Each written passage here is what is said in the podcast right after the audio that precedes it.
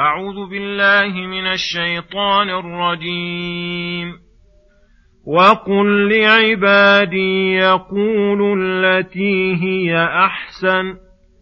إن الشيطان ينزغ بينهم.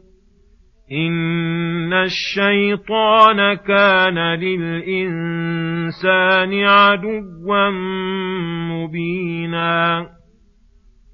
ربكم أعلم بكم إن يشأ يرحمكم أو إن يشأ يعذبكم وما أرسلناك عليهم وكيلاً وربك اعلم بمن في السماوات والارض ولقد فضلنا بعض النبيين على بعض وآتينا داود زبورا.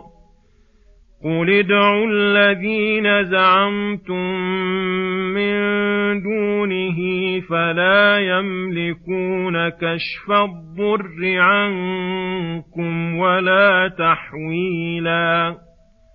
اولئك الذين يدعون يبتغون إلى ربهم الوسيله ايهم اقرب ويرجون رحمته ويرجون رحمته ويخافون عذابه ان عذاب ربك كان محذورا السلام عليكم ورحمة الله وبركاته. بسم الله الرحمن الرحيم. يقول الله سبحانه: فقل لعبادي يقول التي هي أحسن إن الشيطان ينزغ بينهم إن الشيطان كان للإنسان عدوا مبينا.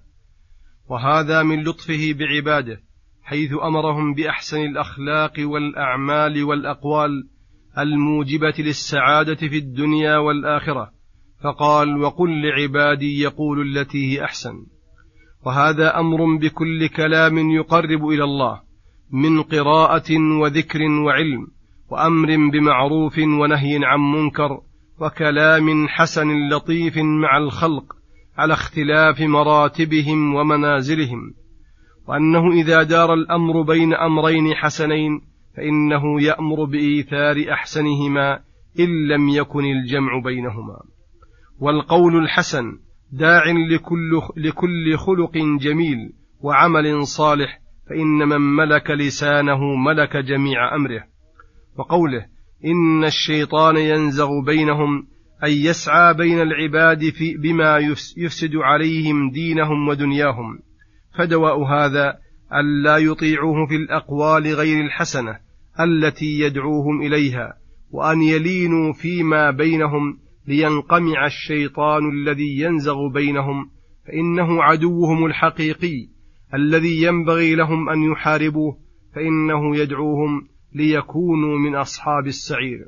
وأما إخوانهم فإنهم وإن نزغ الشيطان فيما بينهم وسعى في العداوة فإن الحزم كل الحزم السعي, السعي في ضد عدوهم وأن يقمعوا أنفسهم الأمارة بالسوء التي يدخل الشيطان من قبلها فبذلك يطيعون ربهم ويستقيم أمرهم ويهدون رشدهم.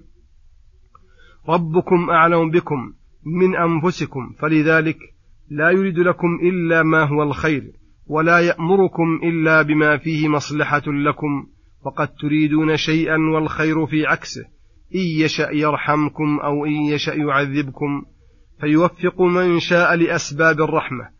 ويخذل من شاء فيضل, فيضل عنها فيستحق العذاب.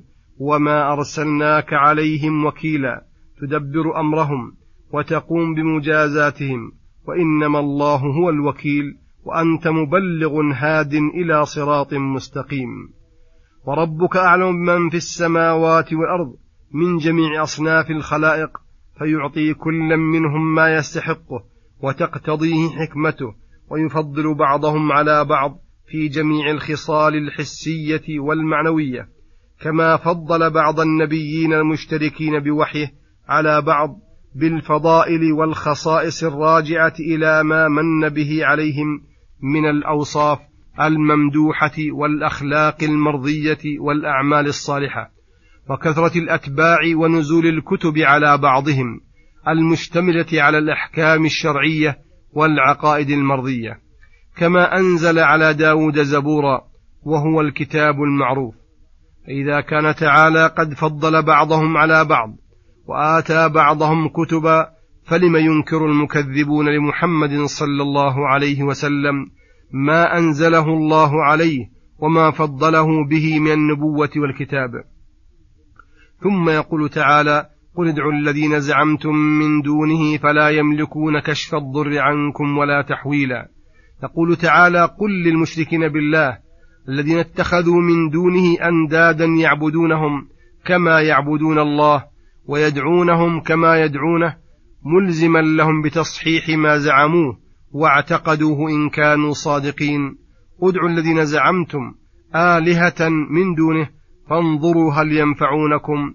أو يدفعون عنكم الضر فلا يملكون كشف الضر عنكم من مرض أو فقر أو شدة ونحو ذلك فلا يدفعونه بالكلية.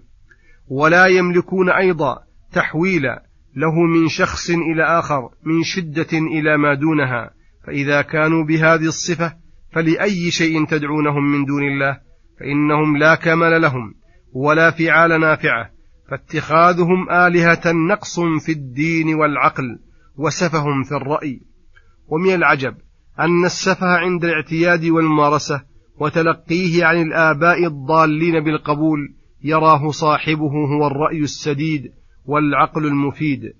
ويرى إخلاص الدين لله الواحد الأحد المنعم بجميع النعم الظاهرة والباطنة هو السفه.